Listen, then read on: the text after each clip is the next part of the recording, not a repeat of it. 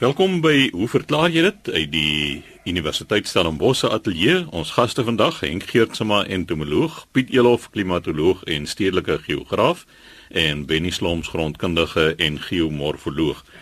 Benny, ons gaan by jou begin en jy gesels oor iets wat nou baie gereeld in die nuus is en eintlik 'n groot probleem begin word, water en onder andere dan grijswater. Chris, ons het 'n e-pos ontvang van Anet Hansen van Belwel en sy skryf as volg. Sy sê ek weet daar is al baie gepraat oor grijswater.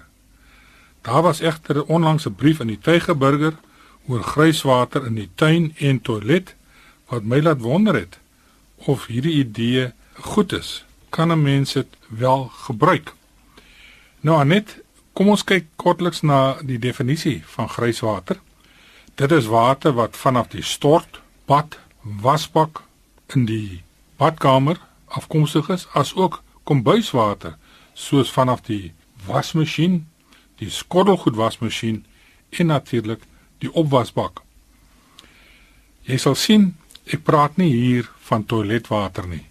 Toiletwater word nie ingesluit as ons hier praat van grijswater nie, want daar is nie 'n manier dat 'n mens onbehandelde riool kan gebruik in jou tuin nie. So navorsing het gewys dat 'n gemiddelde familie van 4 mense tussen 300 en 400 liter water elke dag gebruik vir hierdie doeleindes wat ek sopas genoem het. Nou, jy wil weet Anet of dit 'n goeie idee is om grijswater in die tuin en toilet te gebruik. Kom ons begin by die toilet. Dit is 'n baie goeie manier om hierdie afvalwater te gebruik, die grijswater. En die bad en stortwater is die beste vir beide die toiletgebruik en tuingebruik. As ons kom by die water vanaf die kombuis, die skottelgoedwater en die wasmasjien se water, dit kan ook gebruik word in die toilet. As ons egter kom by water wat 'n mens sal gebruik in die tuin, dan is jou stort en badwater sekerlik die beste want die enigste middel wat in daardie water is is sepe en of shampoo. Nou beide van hulle is onskadelik om die waarheid te sê dit bevat 'n hoeveelheid fosfaat wat 'n voedingsstof is wat 'n mens kan gebruik in die tuin. Nou die wasmasjien is net so goed behalwe as 'n mens in die wasmasjien blikmiddels sou gebruik veral vir wit goed wat jy was. Nou blikmiddels sluit goed in wat hipokloriet bevat en as 'n mens te veel hipokloriet in die tuin sou gebruik en hier kan jy inkom henk, sal jy jou mikrofauna sal jy doodmaak daarmee. Dis dis kloor wat jy daar gaan gooi, né? So dit is nie aan te beveel nie. So, ek wil sommer nou onmiddellik die punt hier maak aan net dat indien 'n mens grijswater wil benut, dan moet jy weet wat is als in daai grijswater en skoonmaakmiddels het in die meeste gevalle het dit 'n negatiewe effek. So daardie grijswater moet dan maar die normale gang loop. Nou in die kombuis is daar ook jou skottelgoedwasmasjien. Nou baie skottelgoedwasmasjiene gebruik behalwe die blokkie seep wat jy ingooi, gebruik hulle ook sout in die masjien self. Nou, die sout is natriumkloried, gewone tafelsout wat daar aangegooi word. En as 'n mens hierdie water met hierdie soutte in in die tuin sou gebruik, sal jy 'n opeenhoping kry van soutte in jou grond. En dit, soos ons almal weet, is nadelig. Dit lei tot verbrakking. 'n Mens kan hierdie probleem oorkom deur dan nie sout in jou skottelgoed wasmasjien te gooi nie. Om die waarheid te sê, Ons gooi nou al vir jare nie in ons skottelgoed wasmasjien sout nie en die skottelgoed kom net so skoon daaruit. Nou die gebruik van grijswater beteken uiteraard ekstra werk. Die uh, Duitsers het die woord slep. Dit is definitief 'n klomp slep. Jy moet binne in jou badkamer moet jy houers hê waarin jy die badwater in uitskep en dit moet daar staan en jy hou dit elke slag as jy die toilet spoel dan gebruik jy van hierdie water. Ek het verhuis van Stellenbosch nou na 'n woonstel in die strand en 'n bietjie gaan kyk na die plekke waar 'n mens grijswater kan bymekaar maak in 'n woonstel. Nou die badwater is eenvoudig. Mens uh, skep hom net uit die bad uit, maar jy stort die wasmasjien, skorrelgoed wasmasjien, die wasbak, daardie pype loop almal ek is op die 11de verdieping, loop daar in na 'n gesamentlike pyp na onder en die opvang is bitter moeilik daar. Gelukkig het ek nie 'n tuin wat ek moet nat maak nie, maar dit sal vir my byvoorbeeld bitter moeilik wees om grijswater bymekaar te maak, te stoor en dan aan te wend vir die tuin en of toilet. Benny, ek kan dit daar byvoeg wat die stort betref, het my vrou met die slim plan gekom om so 'n 10 liter emmer in die stort te sit in die hoek en as jy nou die kraan oopdraai om te wag dat die water warm word, dan draai jy maar net die stort se kop dat hy reg in daai emmer spuit en terwyl jy stort, spat daar ook water in daai emmer en ek moet vir jou sê as vier mense klaar gestort het, is daai emmer vol. Dit mag so wees, Chris. Dit kan werk, maar ek moet nou vir jou eerlik sê as daar nog 'n emmer ook saam my in die stort moet ingaan, dan is daar nie vir ons beide plek nie. Ek smel vrekval oor daardie emmer. So, ja, daar is allerlei idees. Mens kan natuurlik in 'n groot bad staan en stort in die water opvang, maar feit van die saak is dit impliseer addisionele moeite, addisionele leefwyse wat jy sal hê. Ek het self die ondervinding gehad waar jou tuin se struike hier teen die einde van die somer begin vrek het as gevolg van die droogte en ons praat hier van bitter baie geld wat 'n mens verloor. So mens kan maar hierdie ekstra moeite doen om die grijswater aan te wend om van daardie duur plante en struike wat in jou tuin staan om hulle te red, om hulle hierdie seisoen te sit. Opvang van reënwater van 'n huis se dak is nie 'n dronk idee nie. Ek dink ons moet meer daarvan gebruik maak. Ek weet my buurman hier op Stellenbosch het 3 groot van hierdie plastiese tank staan gemaak en hy maak reënwater bymekaar. In totaal maak hy meer as 3000 liters bymekaar. Dis 3 kubieke meter water en 'n mens kom nogal ver met daardie hoeveelheid water wat jy dan vir die tuin ook sou kon aanwend. Sonder reën gaan hy nie water hê om op te vang nie.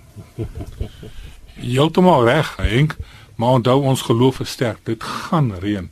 Soos ek vanoggend vir iemand gesê het, mense wat hier in die Kaap woon, sal weet, die wind het nog net nie opgehou nie. Dit waai en dit waai, maar mense sien dit duidelik, die binneland kry nou middel April nog steeds reën. Windhoek Namibië kry reën van daardie tropiese lug wat afgesuig word vanaf die uh, trope. Maar tydens die opname vandag en gister was dit windstil in die Kaap. Die temperature is redelik hoog. Dit is so asof daar 'n bergwind toestand is. Valsbaai was vanoggend soos 'n dam. En ek sê vir my vrou, kom ons hoop en bid dit is die draai van die seisoen. Ons het hierdie tipe van oorgang nodig voordat die fronte ons bereik en ek is vol vertroue dat ons vir jaar ons normale kwota gaan kry. Wennie, ek wil net terugkom op jou grijswater gebruik in die tuin. Ek weet van 'n kollega het grijswater gebruik op sy tomatieplantjies en naderhand sy plantjies gevrek. Toe vra ek my wat presies is nou eintlik aan die hand hierso. Nou, as jou grond nie goed deur water is nie en jy gooi net grijswater op die boonste sê 10 cm van die grond en dit sak nie verder af nie, dan vorm dit later met gereelde toevoeging van grijswater vorm dit wel 'n kos amper. En daai kos gaan baie natrium bevat. En die natrium gaan dan verbrakking van die grond en dit is hoekom sistematies gevrek het alhoewel hy grijswater gebruik het. Die ander aspek, ek dink waar mense nie aan dink nie, jou riool moet weggespoel word. En die ding is as jy al jou grijswater begin opvang en in jou tuin gooi, dan raak die spoelwater in jou rioolstelsel ook van 'n probleem. En moenie verbaas wees as jou riool verstop kan raak nie as gevolg van die gly vermoë van die inhoud verdwyn. Dit stol as dit ware. Nee, heeltemal reg, Henk. Dis hoekom ek so gewaarsku het teen die soutte wat 'n mens onder andere in die skorrelgoed wasmasjien gebruik en teenoor blykmiddels. Die water wat 'n mens moet gebruik in jou toilet, dis kom ons sê die grijswater van die badkamer, Die hoeveelheid wat jy moet ingooi daar is presies dieselfde as die varswater wat jy sou gebruik het om die toilet te spoel. Jy kan dalk 'n bietjie meer gebruik. Ten minste het jy nou 'n dubbele gebruik van daardie water. Wat my net hartseer maak, met al die mense met wie ek praat, hulle is almal bereid om hierdie opofferinge te maak. En dan lees 'n mens in die koerant van lekkasies op ons waterleidings hierso in die Wes-Kaap, wel selfs daarbo aan die rand waar daar duisende kubieke meter water maandeliks verlore gaan omdat dit nie herstel word nie. Ek dink ons oorhede, die munisipaliteite moet 'n slag wakker skrik en hulle kant ook bring en nie net beperkings hef en dan die pryse opstoot nie. Hulle moet daadwerklik ook hulle kant bring vir waterbesparing. So sê Benny Sloms, ons geomorfoloog en grondkundige, Henk Geertsma, ons entomoloog volgende aan die beurt. Nou Henk, jy het 'n hele handvol onderwerpe daar, maar ons begin met iets wat veral in die Wes-Kaap wat so droog is, 'n groot probleem is en dit is mure. Ja, luisteraars, ek het hier so 'n briefie van myne Kutse van Springbok in die Noord-Kaap en hy sê sy navraag handel oor die balbuiter muur. Nou, die latynse naam is natuurlik Anoplolepis wat eintlik baie beter klink in my ore. Maar in elk geval. Nou, hy sê dan hy het amandelboontjies op sy stukkie grond en hoewel die mure baie aandag aan al die boontjies gee, sal hulle baie liewer vir een spesifieke boom en versamel in hoopies op die takke en blare. My man gee elke aand wanneer die son sak die boontjies water en wanneer hy die boom met die mure water gee, duik sommige van hulle letterlik vanaf die boonste blare tot binne die water en swem daar rond. Dit is vir ons 'n baie vreemde, tog interessante verskynsel. Ek wil graag weet waar die, die vreeslike liefde vir water vandaan kom. Ek sal ook wil weet wat hierdie mure en die boontjie op die blare en takke doen. Nou, eerste wat die water aspek betref. Jy weet, dit is nou 'n droë tyd, ook in die Noord-Kaap dink ek. En mure byvoorbeeld is baie sensitief. Hulle tel water baie maklik op en water is natuurlik noodsaaklik vir die behoefte van alle vorms van lewe. Mure is natuurlik baie aktief en hulle sal natuurlik saamklomp waar daar waterbronne beskikbaar is. As hulle nou rond swem, is dit nie vir hulle plesier nie, maar omdat hulle in die bak water geval het. Nou probeer hulle maar net uitswem. Maar die ander vraag en dis 'n baie mooi foto wat saamgestuur is van die amandelboom met die mure daarop. Nou, hierdie is baie interessante verskynsel. As jy nou die amandelboom wat natuurlik verwant is aan die perskeboom en so aan, as jy nou na die blare kyk, dan sal jy sien op die blaarsteel net waar die blaar begin, die bladskyf wat ons noem, sal jy sien daar sulke klein knoppies. Nou hierdie knoppies staan bekend as nektar liggaampies. Die Engelse praat van die nectaries.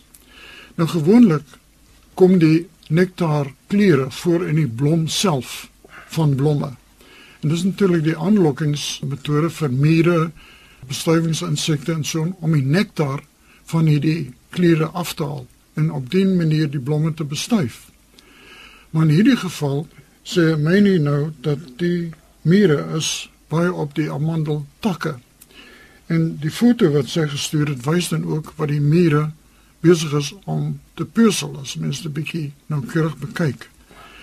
Nou, kom ek gaan net bietjie terug. Hierdie nektarkleur word aangetref op enige deel van die plant, op blare, op stingels, op groeipunte, maar veral in die blom self. Nou die nektargehalte van die kleure wissel meeste natuurlik in die blomme, maar behalwe die nektar bevat die strukture dan ook aminosure, olies en ander voedingsstowwe.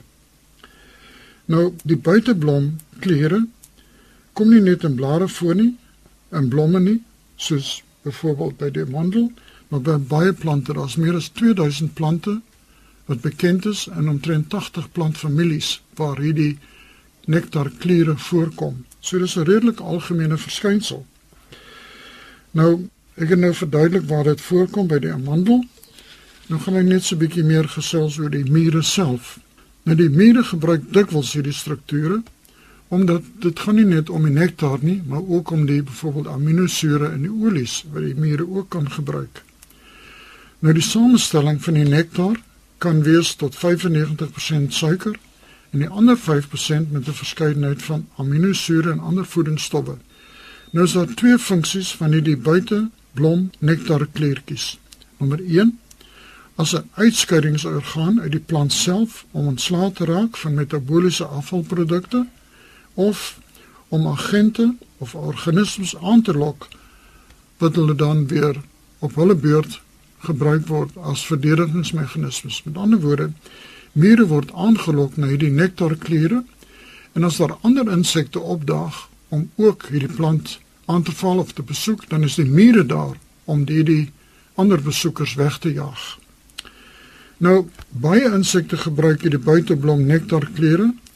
Byvoorbeeld volwasse lieweneerbesies is baie lief vir hierdie kliere. Baie meer soorte word in assosiasie met die plante met sulke buiteblom nektarkliere gevind. En dan soms ook interessant die Amerikaanse trekskoennapper Donus plexippus wat trek jaarliks van Kanada, Noord-Amerika na Mexiko en Kalifornië gebruik op hulle pad besoek hulle blomme. En meeste van hierdie blomme bevat hierdie nektarkliere wat hierdie skoennappers dan gebruik as 'n energiebron om hulle reis van 'n paar duisend kilometer voort te sit. En natuurlik as hulle na die winter weer terug vertrek na Noord-Amerika en Kanada, word dieselfde roete en dieselfde metode van voeding gevolg. Nou die afskeiding van die nektarkliere dien dikwels as 'n bykomende voedingsbron vir insekte, veral mure, tydens uiterste omgewingstoestande of wanneer die prooi skaars is. Met ander woorde is 'n aanvullende dieet. Nou stinkspesies wat plantsap suig, teken ook dikwels sulke kliere. So hulle sit hulle suigwysies of proboskie sit hulle dan in daardie nektarkliere. So dis nie 'n vreemde verskynsel nie, maar die feit dat dit op amandelbome voorkom wat natuurlik verwant is aan perskebome en in perskebome is dit wêreldwyd bekend dat daar is 'n verhouding tussen die mure en dan hierdie sogenaamde nektarkliere. Baie dankie myne. Dis 'n baie interessante vraag en ek hoop die antwoord is bevredigend. So sê Henk Geertsma, ons entomoloog, laaste aan die beurt vandag, Piet Elof. En Piet, jy gesels vandag oor weerkaarte. Hoe verstaan 'n mens die goed? Hoe vertolk jy dit? Ja, dankie Chris. Ek dink iets wat my elke keer verbaas is hoe wyd hierdie program geluister word. Ons briewe kry uit Turkye uit, uit Rusland uit, uit Duitsland uit om navrae te doen oor onderwerpe wat hier bespreek word. Maar wat my ook verblydend is, is dat jonger mense, studente en selfs skooliere ook daarna luister. Nou ek het 'n brief van Janie uit Franshoek, Weskaap gekry. My vra hoe moet ek die weerkaarte in die koerante verstaan? Nou Janie, ek wil net vir jou sê een van my mentors, professor Atniman, het vir ons baie jare terug 'n klein boekie voorgeskryf in die klimatologie Restless Atmosphere. En in daai boekie kom dit daarop neer klimaat is wat jy verwag. Weer is wat jy sien of ervaar. Ongeag wat die breedvoerige beskrywing is van klimaat. Nou ek moet bieg, ek luister of kyk nie baie na televisie, nuus of weerkaarte nie. Ek het dit nie nodig nie. As ek in my koerant in die oggend die weerkaart sien, dan het ek klare begrip van wat ek kan verwag vir die dag. Nou wat jy op die weerkaarte sien in die koerante is lyne wat ons noem isobare. Dis lyne wat punte met dieselfde ligdruk met mekaar verbind. Net soos wat jy op 'n landkaart sal kyk kontoure wat punte met dieselfde hoogte bo seespieël met mekaar verbind. Maar as jy mooi na jou weerkaart kyk, sal jy ook sien dat daar in die middel van daai lyne soos wat dit daar geteken is, gekonstrueer is deur 'n opgeleide weerkundige, sal daar of 'n L staan vir 'n laagdruk of 'n H vir 'n hoogdruk. Nou wat ons nie moet vergeet nie is wanneer jy so hoogdruk het, dan verwys dit eintlik na dalende lug. So die kanse van reën in spesifiek in die Wes-Kaap, want hier is 'n angs in die Wes-Kaap rondom die hoeveelheid reën wat ons moet kry en Benne het ook voorheen daarvan gepraat, dan sal jy weet dat daai hoëdruk gat nie vir jou reën teweegbring in elk geval nie in die Wes-Kaap nie. Weliswaar miskien langs die suidkus as gevolg van die windrigting rondom daai hoëdrukselle en laagdrukselle want daar is ander kragte wat 'n rol speel daarbey.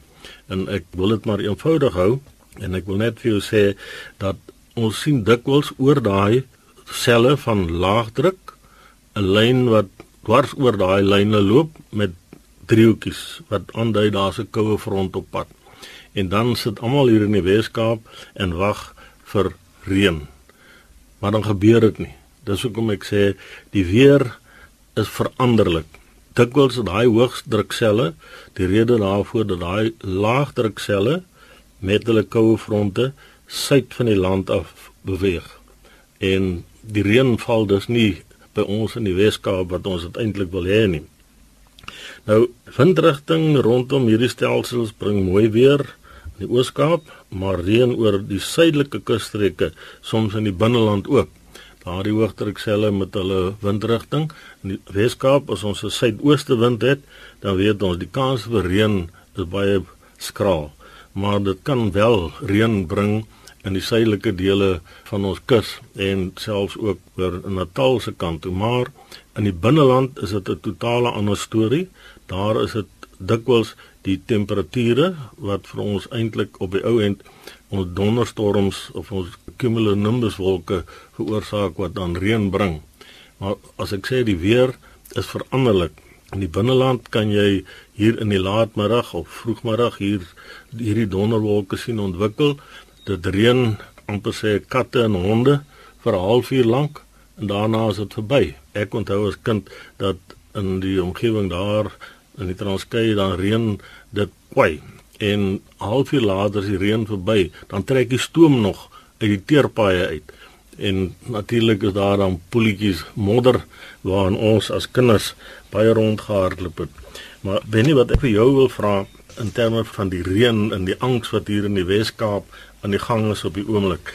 Wat is die impak van reën op hierdie stadium op die wyndruifprodusente? Is die oes af?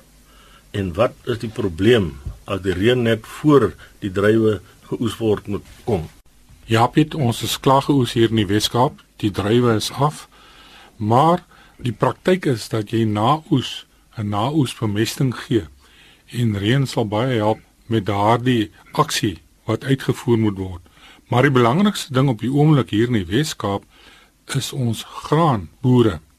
Nou die optimum saai tyd is hier so middel April tot middel Mei wat ons die koring in die grond wil hê. Daar is die praktyk dat die boere in die stof saai soos hulle sê en dan hoop dat die reën agterna kom. Normaalweg kry ons 'n bietjie reën rondom Paasfees. Dit het nou nie vir jaar gebeur nie.